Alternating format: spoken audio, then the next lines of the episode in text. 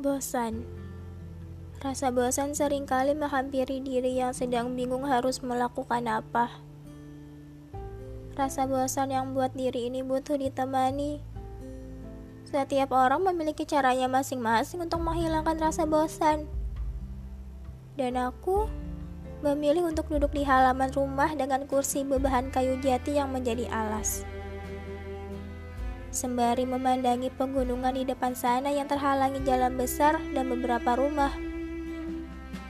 Suara mesin motor dan mobil menjadi pengiring musik sore ini untuk menghilangkan keheningan. Kumpulan tetes air yang mengendap di atmosfer menjadi temanku juga sore ini. Tenang dan syahdu.